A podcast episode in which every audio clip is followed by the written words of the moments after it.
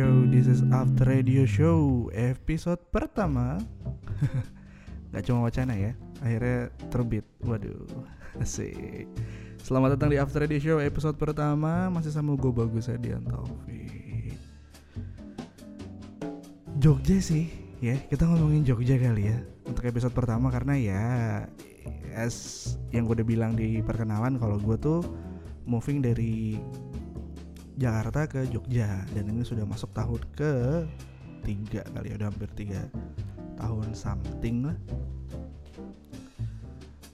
Semua orang pasti punya cerita sih punya punya kenangannya masing-masing. Entah itu yang cuma berkunjung atau mungkin dulu sempet apa ya sempet kuliah kali ya di sini. Sempet kuliah sempet punya cerita lah di sini dalam jangka waktu yang cukup panjang 4 tahun atau mungkin lebih sampai ya terus pindah balik lagi ke mana atau sampai saat ini juga masih ada di sini. Kita mau ngomongin sesuatu hal yang cuma ada di Jogja dan yang ngangenin yang ada di Jogja. Ya, coba deh lo ada nggak sih dari kali ada nggak sih dari lo yang belum pernah uh, ke Jogja gitu loh? Nggak, sumpah sumpah ngaku aja ngaku aja nggak apa-apa. Entah karena banyak loh kendala yang nggak bisa pergi itu karena mungkin waktu mau contoh kalau mungkin gue bisa bilang beberapa persen dari kalian tuh ke Jogja dalam rangka uh, study tour uh, sekolah atau study tour apa kayak gitu yang komunitas-komunitas lo gitu pasti pernah lah ya kayak eh deh jalan-jalan ke mana? Ke Jogja itu salah satunya. Mungkin pada saat study tour itu berhalangan karena sakit atau karena apa itu juga pasti kan ada pengaruhnya juga. Tapi ya boleh boleh boleh boleh. Nanti kita bisa berbagi juga nih apa sih yang ngangenin gitu loh di Jogja. Banyak sih kayaknya. Ya, dan semua pasti gue yakin punya cerita yang udah pernah ke Jogja pasti punya cerita soal Jogja yang entah itu menarik entah itu yang terma meri, me, me, me, memilukan atau malah yang ya udahlah se senang itu gitu dan selalu merasa ingin datang lagi ke kota yang penuh dengan cerita dan penuh dengan canda tawa. Sedap Iya tadi gue ngomongin soal study tour. Pasti itu banyak deh Khususnya di Jakarta Apalagi dulu sekolah gue juga SM, SD itu enggak sih? SMP kelas 2 itu kayak Kelas 2 kali ya Kelas 2 atau kelas 3 itu ke Jogja. Uh, Pasti SM, SMA juga SMA SMA juga tuh kelas 2 juga kalau nggak salah Itu ke Jogja Tuh kayak ya semua pasti punya lah cerita-cerita yang sama teman sekolah gitu kan. Oh rame naik bus gitu rame-rame ke Keraton lah, ke Borobudur, ke Prambanan, ke Pantai Parangtritis, yang pasti ke Malioboro iyalah jelas. Atau mungkin ada yang pernah jadi apa sih apa ya kena kena tipu kali ya kena tipu sama tukang beca gitu. Karena tipu sama tukang beca eh ke Malioboro ke Malioboro. Taunya lu diajakin ke salah satu uh, kawasan batik atau kawasan yang cuma jual bakpia tapi bukan di Malioboro. Dan itu gue tahu tahu banget kenapa gue bilang gue tahu banget. Karena sebelum gue pindah ke sini gue sempet kayak agak stay cukup lama sebulan kali ya atau berapa minggu gitu di Jogja. Itu tuh gue jualan batik di salah satu toko batik yang ada di kawasan uh, Wijayan Roto Wijayan itu di kawasan keraton gitu kebetulan uh, tokonya itu punya dari uh, Eyang yang gue gue cukup cukup intens lah selama seminggu tuh apa beberapa minggu tuh gue selalu di situ gitu loh. Dan suka menemukan bahwa ada beberapa anak sekolah yang ya mungkin masih SMP atau SMA gitu kali ya SMP atau SMA itu tuh mereka yang maunya ke Malioboro cuma di malah dibelokin ke situ gitu loh. Sedangkan memang nggak seberapa jauh sih nggak seberapa jauh dari Malioboro menuju Rotowijaya itu kayak tinggal lurus terus mentok kanan kiri mentok lagi itu kan keraton kanan. Nah itu udah kawasannya kayak pusatnya batik lah. Bisa dibilang gitu. Itu ada yang kayak gitu tuh. Pengalaman-pengalaman kayak gitu yang lu maunya ke mana malah dasar ini ke mana. Itu pasti ada kali ya. Dan uh, ada sedikit ya banyak sih gue cerita-cerita di situ ketika gue uh, menjadi SPB atau mungkin sebagai apa ya sales sales man di toko yang gue itu tuh ketemu dengan berbagai macam orang yang datang tuh wah beli oleh-oleh tuh buat semuanya. Dan mungkin lo juga salah satu orang yang ketika lo ke Jogja tuh kayak waduh gue beli oleh-oleh deh beli daster gitu daster batik. Beli dagadu yang sampai sekarang belum tahu aslinya di mana. Please lah nanti coba gue coba cari ya sambil gue cari dagadu itu yang asli tuh ada di mana sebenarnya. Gue sampai saat ini belum tahu dagadu itu yang asli tuh yang mana. Semua mengklaim asli. Ada yang bilang waktu gue dulu datang pertama kali ke Jogja itu dagadu yang asli itu adanya di belakang Malioboro. Jadi kayak di rumah kecil-kecil-kecil gitu ada yang jualan kaos. Itu dulu diarahin sama siapa ya? Diarahin sama supir busnya atau sama tour guide-nya gitu kalau nggak salah. Terus ada lagi yang klaim oh dagado yang asli tuh yang ada di belakang keraton. Ada yang di sini sini sini. Ada yang ya itu banyak sih omongan kayak gitu. Dan sampai saat ini pun gue belum belum pernah mendapatkan satu bu, uh, sebuah uh, jawaban pasti yang asli itu ada di mana? Mungkin ada yang kenal sama pemilik Dagadu gitu ya. Lu boleh share aja gitu kasih tahu gitu siapa tahu. Emang dia gitu yang punya yang punya lisensi atau punya apa bahasanya? Punya hak paten. Nah tadi balik lagi soal oleh-oleh pasti lah ya. Itu yang pasti nggak boleh ketinggalan kalau ke Jogja tuh pasti pertama beli bakpia bakpia tuh yang mulai dari nomor-nomoran terus juga ada yang nama-namaan gitu lah. Gue nggak gue belum bisa sebut merek gue sebut aja nggak boleh. Ada yang bakpia 25 145 75 limanya lima kali. Ah, sama yang limanya lima kali ada itu ada dekat rumah gue ada dan itu fresh dibuatnya oh semoga disponsori. Apa? Itu terus bakpia dan setelah seiring berjalannya waktu sekarang bakpia di Jogja pun ada sedikit shifting nih. Ada shifting ya lu pasti tau lah yang mendengar ada kata-kata bakpia kukus lah yang bakpia yang ternyata buat orang-orang yang suka bakpia itu bukan bakpia bilangnya. Ada yang mengklaim kalau itu tuh cake. Atau mungkin ap, apa ap, apa sih ya? Cake lah bilangnya. Nyokap gue bilang kalau itu sih bukan bakpia karena nggak ada unsur bak dan pianya tuh nggak ada gitu loh. Nggak ada yang kulit keringnya nggak ada. Mungkin ada isiannya yang kacang hijau cuma yang nggak sesuai dengan ekspektasi crumbly itu ada. Oke selalu terlalu detail ngomong makanan. Bakpia kukus terus juga ada lagi bakpia crispy. Itu ada loh baru baru baru baru baru. Nggak berapa lama ini deh. Setahun atau belum ada setahun banget sih kayaknya. Itu ada tuh bakpia yang kering gitu ada apalagi ya itu pertama bakpia Yangko gudeg. Ya iyalah. Pasti kalau ke Jogja kalau bisa sih pasti bawa gudeg ya. Dan gudeg yang bisa dibawa gudeg siapa lagi kalau bukan gudegnya Yuju? Pasti. Dan semua mengklaim ini Yujum pusat. Dan semua tuh pusat pusat pusat pusat pusat pusat. Lah ini yang beneran yang mana?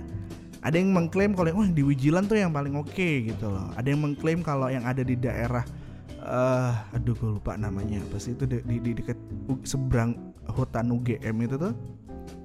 Itu tuh ada ya sorry jalan kali orang tuh ada tuh yang bilang oh ini di sini rumahnya Yujum aslinya tuh di sini gitu loh. Mungkin ya bener ya? Aduh rame.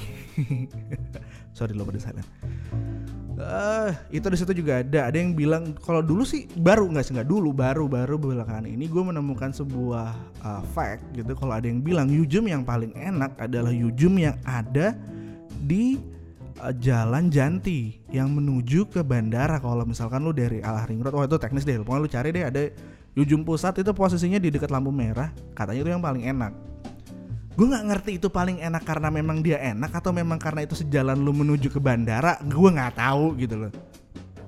Itu itu gudeg pasti lah ya. Entah lu itu makan di tempat dan yang kalau bisa lu bawa pasti lu bawa. Gudeg jujum yang biasanya besekan atau kendil ya itu pasti tuh dibawa tuh. Tuh yujum tuh. Udah mesti deh. Atau mungkin dari gudeg-gudeg lain gue nggak tahu. Dan mungkin kalau lu punya spesifikasi gudeg lu sendiri tuh ya lu bagilah ke kita siapa tahu nanti juga gue bisa main ke sana sebagai orang yang nggak terlalu into gudeg banget gitu. Dikirain gue pindah ke sini gue bakal bisa makan gudeg setiap hari gitu yang kayak oh gue udah jadi orang warlock nih warga lokal gitu bisa makan gudeg. Ternyata enggak men. Jarang gue makan gudeg. Gue tapi jujur gue makan gudeg itu ketika gue ada tamu yang datang dari Jakarta atau dari mana pun ke Jogja pasti gue makan gudeg sama mereka. Ya iyalah ya itu kan tujuan gitu loh jadi salah satu apa ya tujuan wisata gitu loh. Dan dan harganya Yujum tuh biasa itu nggak bukan kategori gudeg yang murah gitu loh di sini. Karena beberapa banyak beberapa store juga yang uh, harganya di bawah itu juga ada. Itu kalau ngomongin harga sih teknis banget. Gudeg terus apa lagi? Yangko ya.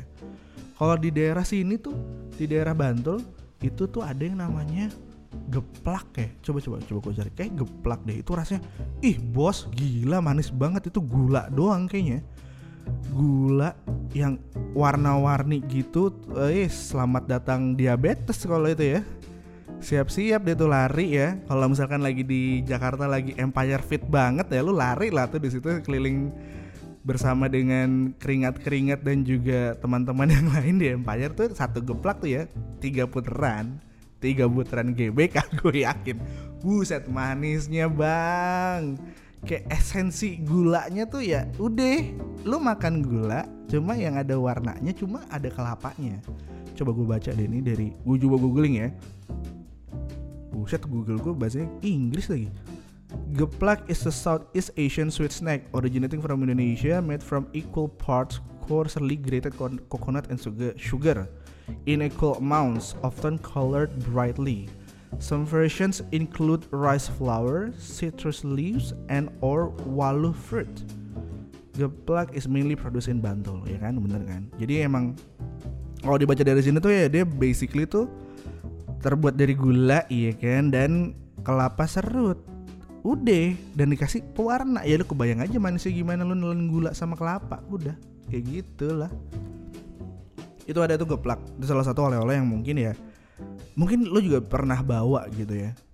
Itu kalau kita ngomongin oleh-oleh tadi gue udah bilang uh, batik dagadu ya kan? Da, batik dagadu apalagi sesendal yang yang lu bisa temukan di Malioboro pinggiran jalan. Dan Uh, for your info, yang jualan di pinggir Malioboro itu mostly bukan orang lokal, itu malah pendatang men. Ada yang dari Sumatera, ada yang dari Jawa kawasan lain, ada yang dari Jawa Barat pun ada, ada yang uh, Sulawesi gitu. Gue menemukan beberapa ketika gue jalan-jalan dan gue ngobrol sama uh, warga sekitar oh yang bukan itu yang jualan orang malah warga lokalnya sendiri mereka bergeraknya di uh, suburbnya gitu. Kayak contoh apa ya kayak jualan-jualan yang di butik-butik standar gitu nggak yang di Malioboro-nya. Itu menariknya di situ. Dagadu atau mungkin yang biasanya disering temuin di Malioboro tuh ini uh, baju-baju anak kecil lah itu udah kayak lu beli kacang goreng lu sepuluh ribu lima belas ribu lima puluh ribu dapat tiga ya kan? Itu kalau misalkan buat beliin keponakan lu contoh keponakan ada delapan kayak keluar cepek pego tuh udah kayak udahlah bisa lah dah dah dah dah, dah gitu. Dan ya tiga kali pakai robek dipakai lari robek dicuci hancur ya banyak tuh kayak gitu. Daster juga beragam tuh. Balik lagi ngomongin soal baju tuh baju sendal gantungan kunci ya gantungan kunci ya itu udah pasti. Dagadu makanan tadi ada bakpia ada yangko ada uh, tadi apa? Oh itu geplak ada gudeg juga. Itu sebenarnya kalau mau lo explore itu tuh banyak banyak lebih banyak lagi makanan yang sebenarnya memang adanya cuma di Jogja. Contohnya mangut lele. Gue bilang kenapa? Karena tuh famous di sini. Dengan sistem penjualan yang cukup menarik gitu loh di dapurnya. Lu masuk ke dapurnya lu makan di situ dengan harga paket. Itu dari kawasan Bantul di Jalan Parangtritis. Uh, nanti kalau misalnya lu mau infonya bisa lu mintalah nanti gue kasih. Ada juga ayam ingkung. Ayam ingkung tuh seperti kayak ayam yang diungkep gitu basah uh, gravies gitu agak uh, bers, berkeringat nggak karena nggak berkuah yang kayak kuah blair gitu loh kayak opor gitu nggak. Cuma lo bayangin opor diasat sampai asat banget terus udah jadi tinggal ayamnya jadi ayamnya keringetan doang. Itu dimakannya sama nasi gurih seperti nasi uduk cuma yang dia lebih dicun rasanya lebih ke Jogjaan entah dipakein apa.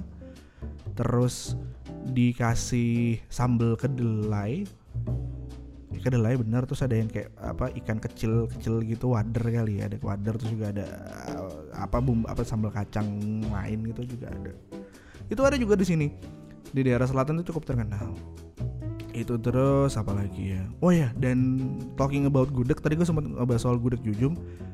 Uh, ada nih gudeg-gudeg yang kalau misalkan untuk warga lokal sendiri mencari uh, cita rasa gudeg itu mereka nggak akan cari yang di tempat-tempat wisata kayak misalkan Yujum atau apa. Mereka kan lebih mencari gudeg tuh kalau yang sukanya sarapannya gudeg itu ada gudeg yang pagi dan mereka memang menyediakan khusus yang pakai bubur.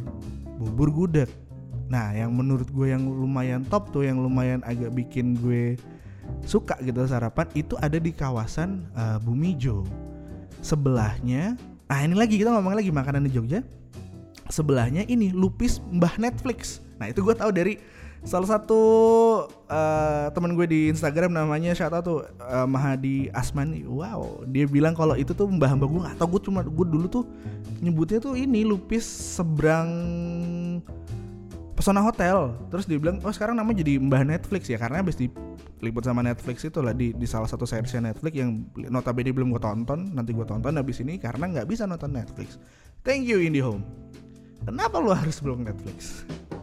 Nah itu itu Lupis kan gila rame banget dan dia tuh gak dibantuin sama siapa-siapa tapi ini lo datang jam berapa ya jam 8 lo dapat antrean nomor 16 tapi kalau lo nggak tungguin itu yang bisa dapat nomor 30 duluan 27 duluan 20 ah, gitu deh random random random jadi lo harus stick around on that area sampai tuh mbah melirik lo Mbah saya, nah, itu baru deh tuh lo bisa mendapatkan kesempatan menikmati lupis mbah Netflix.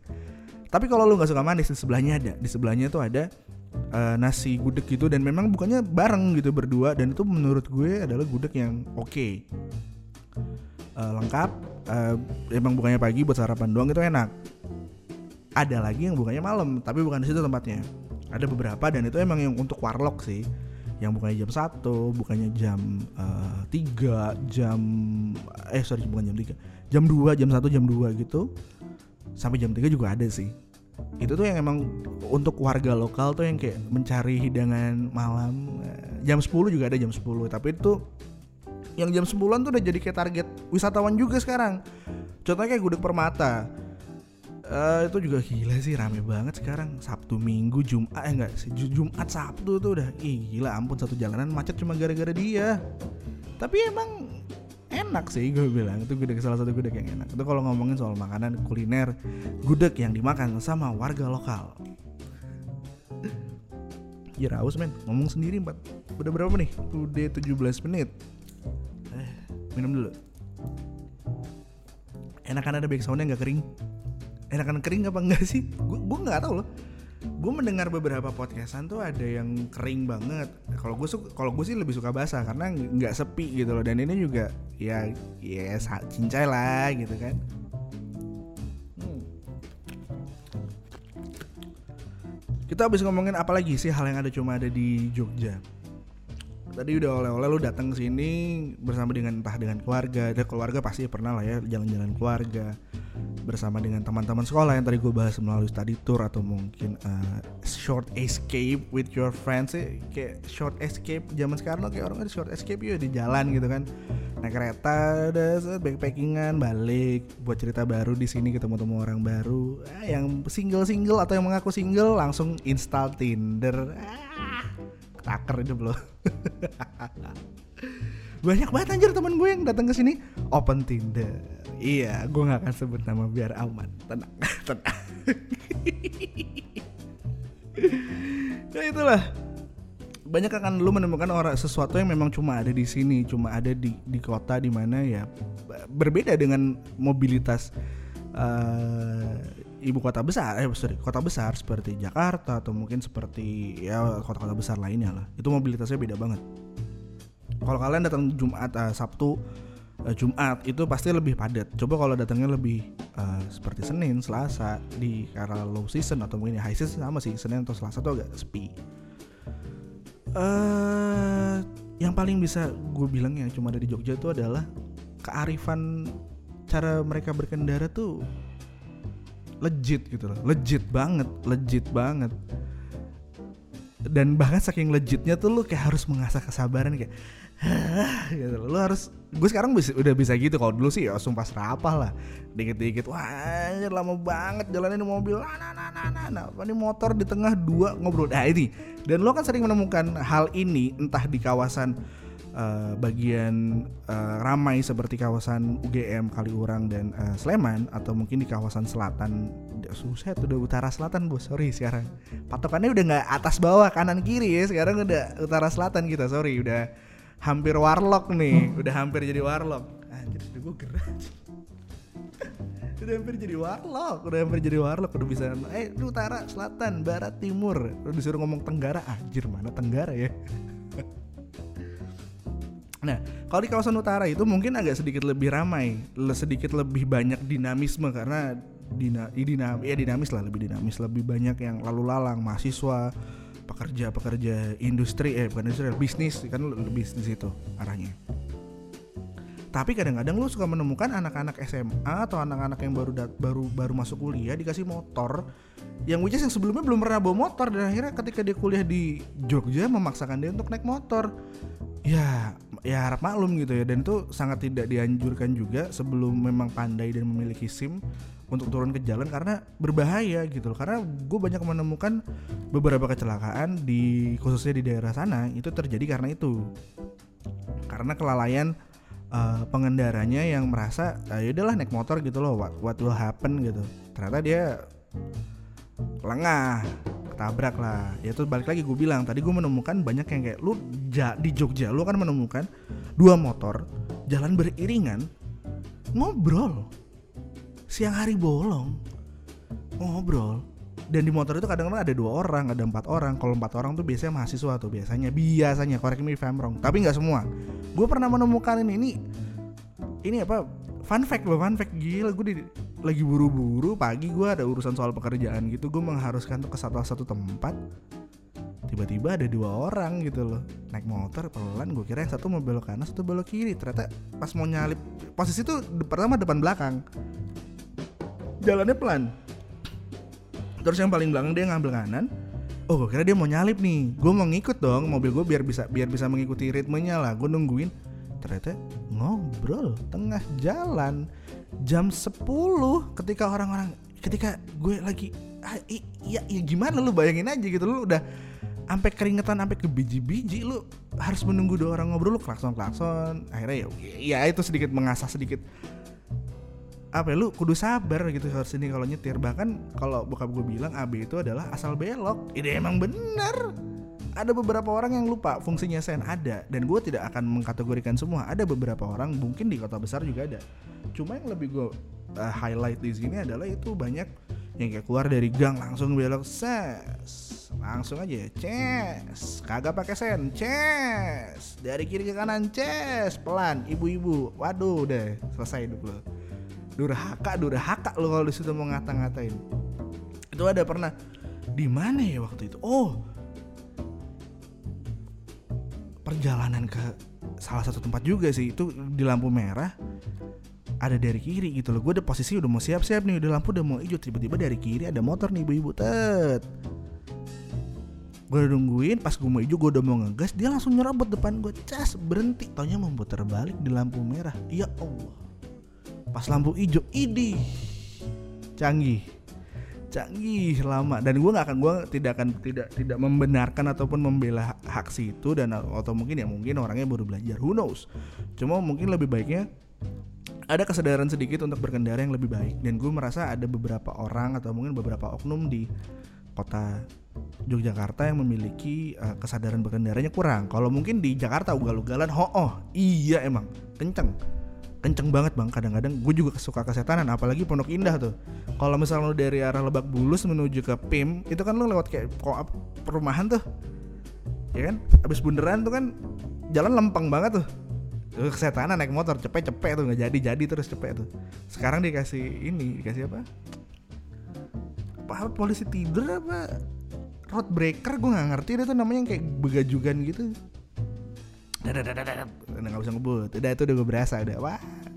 Kehilangan sudah esensi kebut-kebutan di situ. Nah itu tadi. Nah itu salah satu kenapa gue jadi ke mana-mana sih? Nah, ini gak enaknya sendiri lu. Bebas aja otak lu ke mana-mana larinya. Kagak ada skrip ngomong aja udah eh berkendara di Jogja itu banyak banyak hal-hal ajaib, banyak sesuatu hal yang tidak terduga dan gue menemukan itu cuma di Jogja. Dan kalau ngomongin soal berkendara juga, tadi gue udah sempat mention salah satu teman di Instagram gue, uh, following followers ya, follow each other. Wow, si bos dosen, Pak dosen LSPR, Bapak Mahdi. gue tanya kan, apa sih gue sempat tanya di Twitter gue sempat open question di Twitter gitu loh. Apa sih kenangan yang dan yang ngangenin dari Jogja tuh apa? Dibilang banyak itu teh apa gitu loh apa yang banyak? Naik motor keliling-keliling. Ya apa gitu yang buat keliling-keliling? Nah dia bilang kayak gini melamun ide buat nulis setiap riding yang berujung pada ngemper wedangan di dekat alun-alun Kidul ya ujung-ujungnya sih ya makan juga gitu loh melamun ide tuh naik motor. Ya mungkin itu kali ya. Mungkin itu yang menyebabkan banyak orang yang nyetir agak sedikit lambat di Jogja. Melamun ide gitu bos. Mungkin ya. Yang apa ya lu melamun memikirkan ide apa gitu. Kan ya memang terkenal juga beberapa uh, artis. Gue bilangnya artis ya. Artis bukannya artis artis selebriti tapi artis gitu loh seniman ataupun musisi itu kan banyak yang ada di uh, Jogja. Musisi-musisi ideal idealis juga ada gitu loh. Musisi-musisi idealis terus juga seniman-seniman idealis. Seni rupanya karena di sini juga ada ISI Institut Seni Indonesia itu juga mungkin ya itu menyebabkan jadi mikirnya seni banget deh. Gitu. Makanya mungkin nih mungkin Pak Mahadi nih ya Pak dosen itulah jawaban dari kekesalan gue selama ini. Serak banget melamun ide ya makanya buat jalannya lebih slow. Tapi memang memang memang ini gue kan sebuah disclaimer lagi gue kan bilang sama semua orang yang datang ke Jogja jangan buru-buru. Kota eh, Jogja itu adalah kota yang lambat. Jangan mem, memburu-buru Jogja karena lu nggak akan mendapatkan esensinya. Di sini lo harus menikmati slow living lo bisa harus menikmati semua keramahan ya lo bisa menikmati lampu merahnya yang banyak sekarang menikmati lu harus mengantri dengan becak di jalan. Nah itu juga. Ya itu mungkin esensinya gitu loh. Jadi buat kalian yang mungkin uh, ada berencana untuk liburan ke Jogja ada rencana untuk uh, staycation di sini atau mungkin yang belum pernah gue kan sekali, sekali lagi mengingatkan Jogja itu kotanya lambat gitu loh. Lambat dalam arti kata semuanya tuh nggak perlu diburu-buru. Lu di sini tuh untuk liburan untuk relax. Don't take it really ini ya really fast gitu. Dan dan don't rush a thing yang kayak lu mau ke Malioboro lu harus jam segini. Just just take your time. Nikmati hotel lo cari hotel yang oke okay, yang kalau misalkan ini insta instagramable gitu. Cari-cari yang uh, apa hotel-hotel yang kayak wah ini kayak di di Pinterest nih. Atau gue lihat di sini kayak nginep di sini. Nah itu lo nikmatin semuanya pelan-pelan. Apalagi ya apa ya itu jangan jangan jangan memburu-buru sesuatu. Nikmati semuanya. Kalau lu cuma tiga hari di sini ya lu mengatur ketiga harian lu itu dengan sangat apik gitu loh. Tempat wisatanya yang mana? Kalau mau yang di dalam kota aja tuh bisa sehari dua hari mah bisa. Tapi kalau yang udah kayak misalkan ke Borobudur ke mana? Ke, ke uh, Kali Biru lah atau ke Puncak Bejici ya jangan tiga hari doang bang capek hidup lo tambahin lah tambahin sekitar empat hari atau lima hari. Ngambil cuti itu yang maksimal. Hotelnya mahal cari yang murah. Hotel di sini juga banyak yang murah. Ya itulah. Jadi harap maklum padahal tadi gue habis renting soal aja banyak yang lelet segala macam segala macam. Cuma ya karena gue di sini bukan liburan gue di sini mencari sesuap nasi bos ya. Masa ya gue harus berhadapan dengan satu hal yang lambat? Ya nggak bisa dong. Jiwa muda masih bergejolak. Anak jakselnya jiwa-jiwa trek-trekannya masih ada. Ya dikali dikasih lambat-lambat ya. Makanya agak sedikit memberontak lah gue di situ. Talking about Jogja hal-hal yang menarik adalah ini gue sempat juga nah balik lagi ke tadi soal uh, Twitter question juga gue sempat uh, ada yang jawab gini men. Uh, siapa sih nih? Si temen gue namanya Nadia. Nadia tuh bilang uh, mana sih Nadia nih? Ah ini dia. Gue tanya apa sih yang ngangenin dari Jogja? Kotanya. Semuanya ngangenin. Kalau mudik nggak mau pulang. Memang gitu kali ya. Itu magicalnya Jogja kali ya. Untuk orang-orang yang dari kota besar tuh menikmati semuanya ini tuh kayak ada magical ways yang kayak mengundang lo untuk datang dong lagi. Mengundang kembali uh, kalau Club Project kan pulang ke kotamu. Itu yang kayak gitu tuh sinilah baliklah baliklah sinilah gitu. Dan karena mungkin tertariknya gue karena harga makanannya murah-murah. Oh iya jelas jelas bos jelas. Kenapa gue bilang harga makanannya murah? Bayangin Yogyakarta tuh adalah salah satu termasuk uh, provinsi atau mungkin provinsi dengan UMR terendah se Indonesia ya pasti murah dong untuk mengimbangi UMR yang rendah. Biaya hidupnya juga harus dipres dengan ya harga-harga bahan pokok makanan-makanan itu harus dipukul dengan murah. Jadi ketika orang-orang turis gitu ya sorry ya pendatang apa turis dari Jakarta atau dari kota mana pun bilang ke Jogja lu makan puluh ribu murah. Gue kaget sekarang ah mau murah gitu loh. Gue bisa dapat makan mie ayam delapan ribu soto lima ribu lu bilang dua puluh ribu ah, ini murah. Gue kaget loh eh gila. Iya gue sudah gue sudah mulai men-shifting gaya hidup itu yang kayak gila iya kali bang. Dua puluh ribu murah dua puluh ribu di sini udah bisa sehari kali ya. Makanya kalau buat orang-orang yang nggak terlalu picky makanannya kayak ya pagi sarapan nasi gudeg lah misalkan ya. Kayak lu mau ya mau dapat dapat esensi gudeg nasi gudeg misalkan 8000 itu bener 8000 ada. Nasi gudeg dengan krecek dan tahu biasa tuh 8000 kalau yang di pinggiran tuh 8000 terus lu makan siang kayak makan mie, mie ayam lah. Mie ayam tuh 8000 udah. 16000 minum 1000 1000 teh manis. Oh iya, dan satu hal yang menarik kalau gue ngomongin soal Jogja, ketika lu bilang teh, uh, teh es teh atau mungkin teh panas, yang gue akan lu dapatkan adalah tehnya tuh manis. Dan kadang-kadang ya manisnya ya lu tau lah diabetes gitu loh, manis banget gitu loh, kental manisnya bang, sampai ke keringet ntar tuh rasanya manis gitu loh kayaknya. Nah itu lebih you have to be more careful with with what uh, with what your order gitu lah. Dengan apa yang lo ingin order tuh harus lebih hati-hati be careful with that. Jadi lo harus lebih spesifik. Ngomong pedes harus spesifik dan kalau perlu lu lihat lu pedes misalkan lu mesen mie Jawa gitu lah mie godok mie goreng atau magelangan yang which nasi sama mie yang halo karbo halo berat badan gitu loh. Eh, halo keto nggak kenal. Kalau udah kayak gitu magelangan tuh ya. Nasi mie dicampur.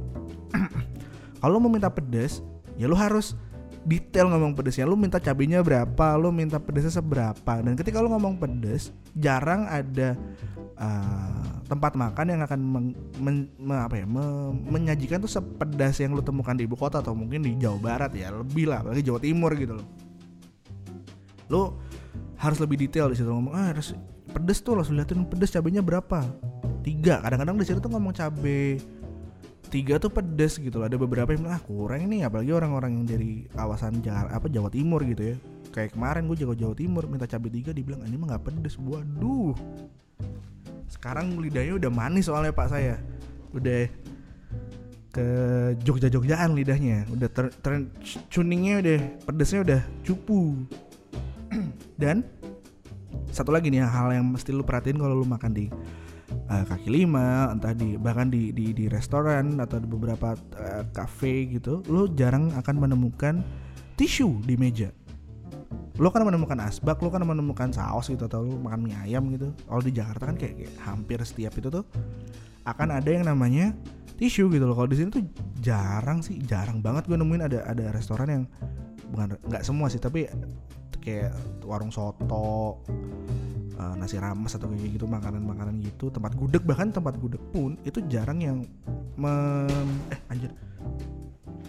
Memberikan tisu sebagai komplimenterinya gitu nggak nggak ada gitu loh. Hmm. dan kadang-kadang adanya tuh malah lap. Iya di meja tuh adanya lap. Dan itu gue nggak tahu dan itu kayak gue nggak menyarankan untuk untuk lap itu untuk lap mulut jangan itu kayak biasanya kalau sama masnya tuh suka dibuat lap meja gitu loh dibuat ya dibuat bersih bersih apalah namanya jangan. Hmm. bawa tisu. Kalau lagi makan di Jogja tuh siapin buat tisu deh. Ya buat buat ini aja buat buat jaga jaga kalau misalkan lo hygiene freak atau kayak gimana dan tipikal makan lo yang berantakan ya itu lo bawa tisu itu terus apa lagi? Hal yang cuma ada di Jogja yang ngangenin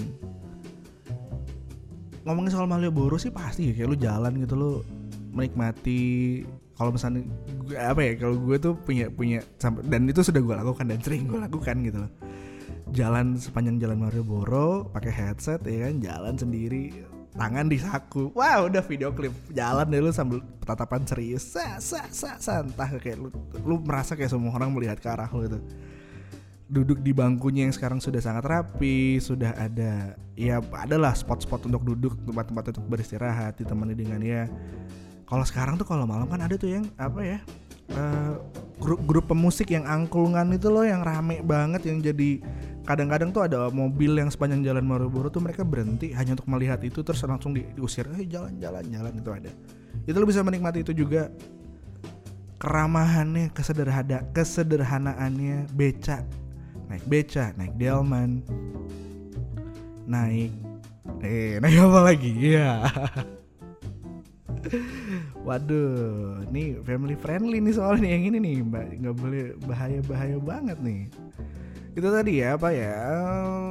Hal-hal yang sedih sebenarnya tuh sederhana gitu loh ketika gue di sini pun gue men menjadikan biasa aja sih apa gitu? Loh kemarin baru makan gudeg? Ya udah apalagi nothing special gitu loh. Mungkin karena lu tidak ada di karena gue sudah berada di fase ini bukan gue wisata gitu loh. Ini udah lu hidup main di sini lu lu udah diem di sini. Dah dadah gitu loh.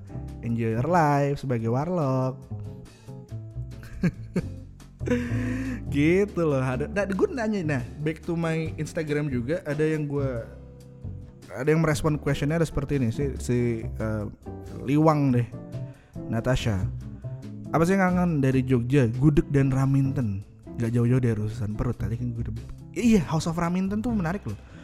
Mereka tuh punya kabaret yang like every gue lupa setiap minggu tuh pasti ada kabaretnya dan si Bu Ramintennya itu itu adalah drag queen gitu loh. Bukannya purely seorang wanita tapi itu drag, drag queen yang lu lihat kayak di fotonya kayak apa ibu-ibu uh, berperawakan cukup uh, besar dengan konde dan kacamatanya yang kulitnya putih itu tuh drag queen dan asli gue lupa gue gue harus gue nanti coba deh gue gue akan coba share uh, fact ini di di Instagram juga.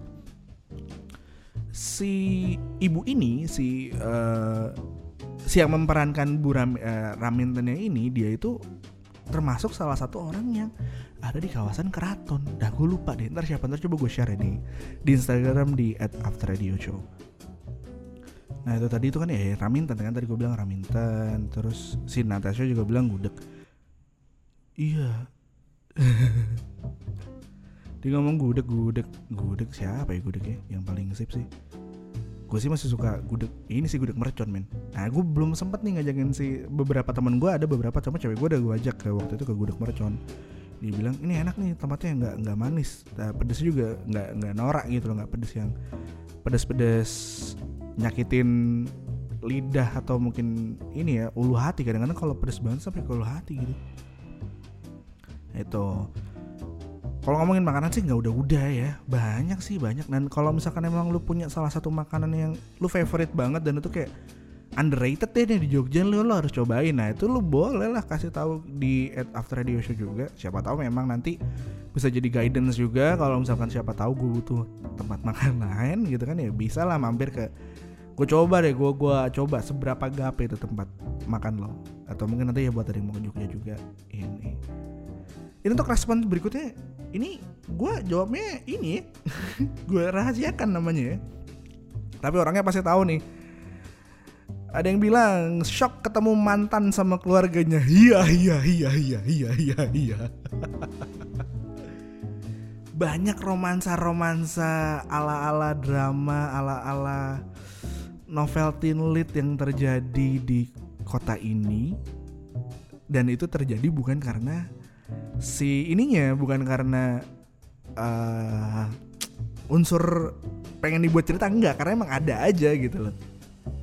Warga lokal ya pasti lah warlock ya pasti punya cerita cintanya di sini masa iya tinggal di sini kisah cintanya di negara lain? Ya bisa bisa cuma ada beberapa orang menjadikan Jogja tuh kota romantis. Kenapa? Karena gue ketemu sama cowok ini gue ngeliat dia di parkiran Malioboro. Yelah kentut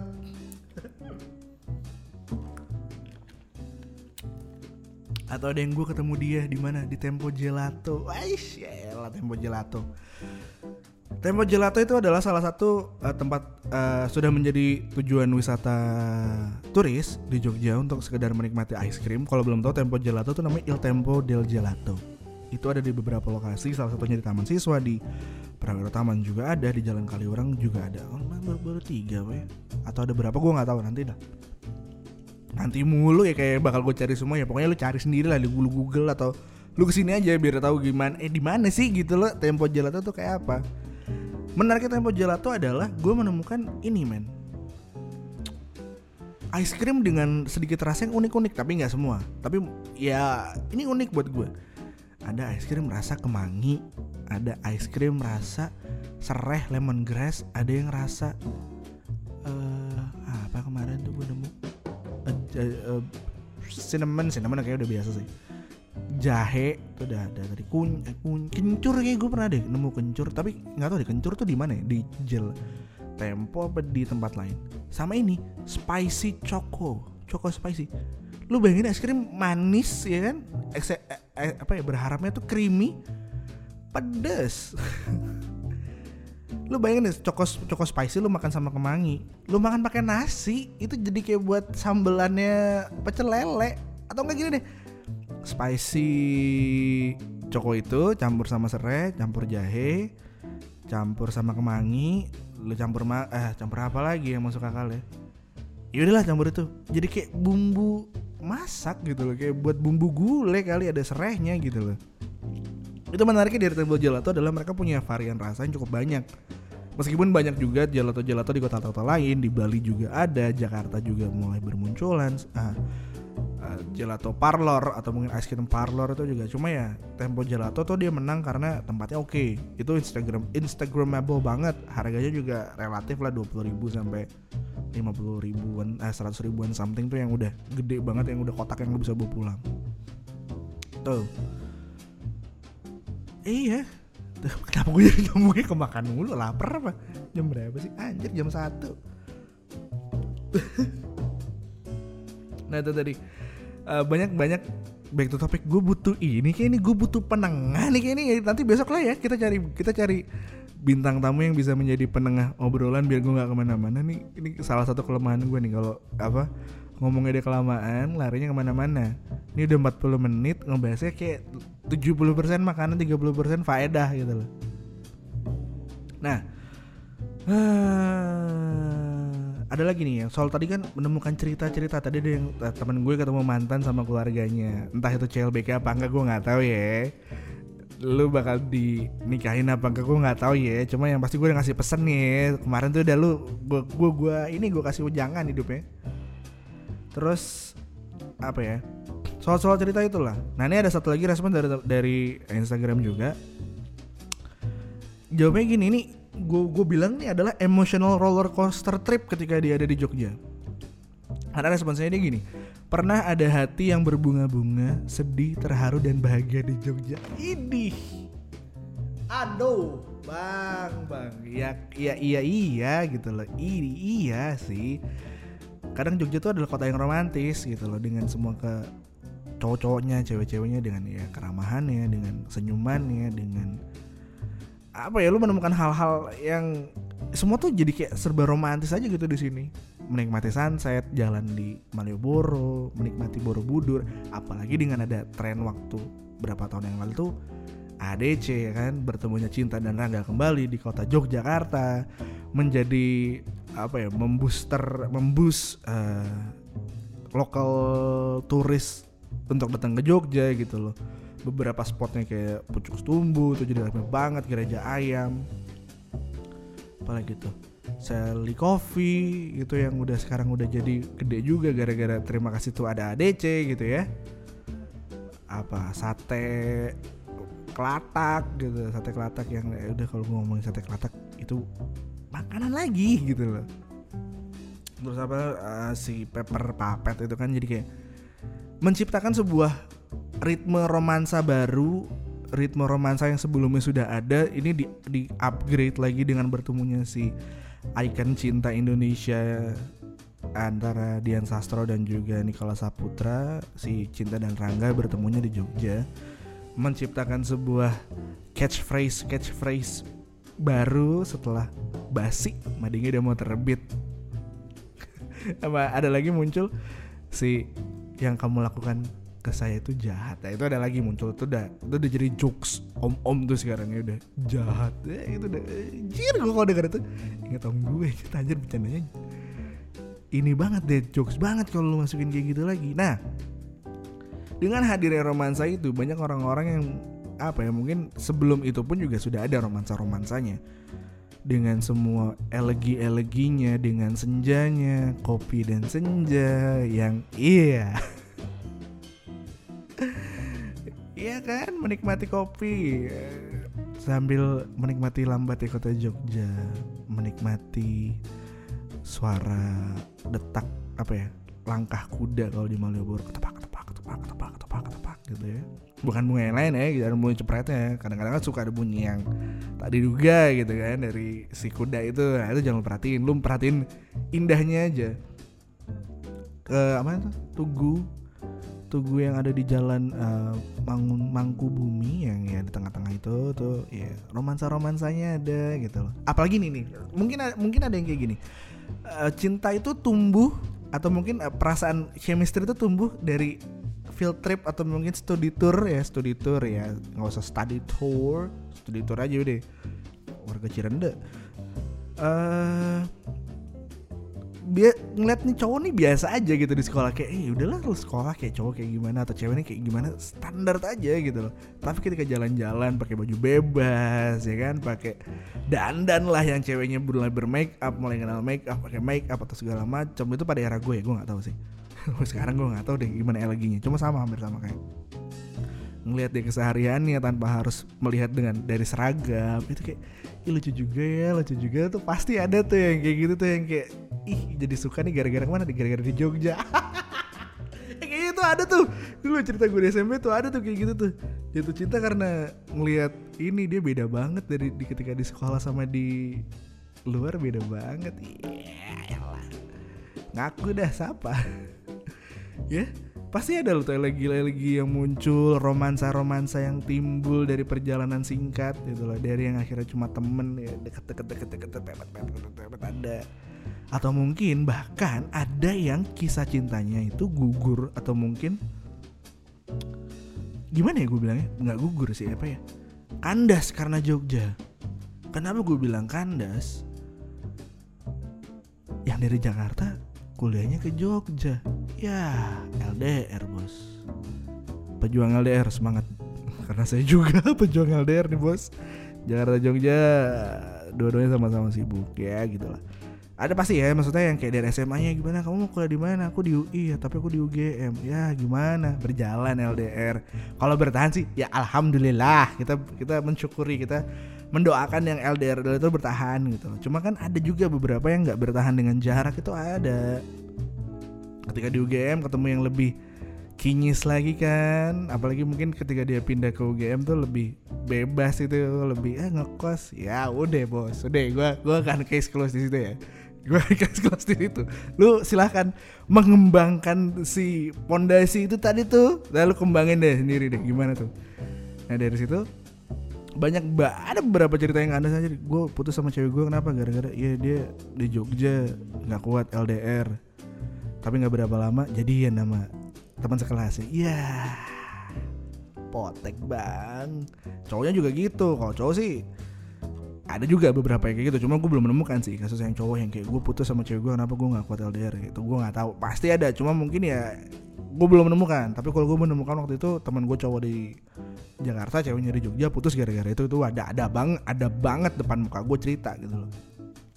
Ada yang ceritanya kandas ada juga yang gimana ya kalau ngomong soal cinta tuh di Jogja tuh romantis sih romantisnya tuh beda romantisnya tuh penuh dengan kesederhanaan gitu loh.